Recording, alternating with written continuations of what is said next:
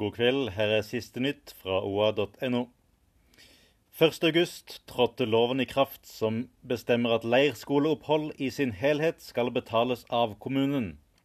Vel og bra det, men hva skjer med de hundretusener av kroner foreldrene allerede har samlet inn og donert anonymt for å finansiere fremtidige leirskoler? Vegvesenet kontrollerte nærmere 1500 biler i en storkontroll ved Mjøsbrua og utstedte en rekke gebyrer. Blant annet ble syv biler avskiltet grunnet manglende EU-kontroll. I lang tid har Søndre Land klart seg uten eiendomsskatt, og Ap og Sp-samarbeidet som sitter på makta, gikk til valg sist gang på å ikke innføre skatten.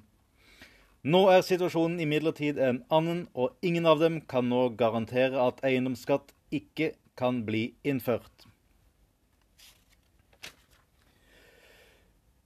Og så gir vi siste oppdatering i Gjestvang-sagaen.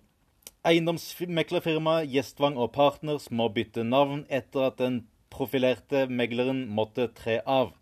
Nå heter de kort og godt Partners. Følg med på oa.no for de siste og viktigste nyhetene fra Vest-Oppland.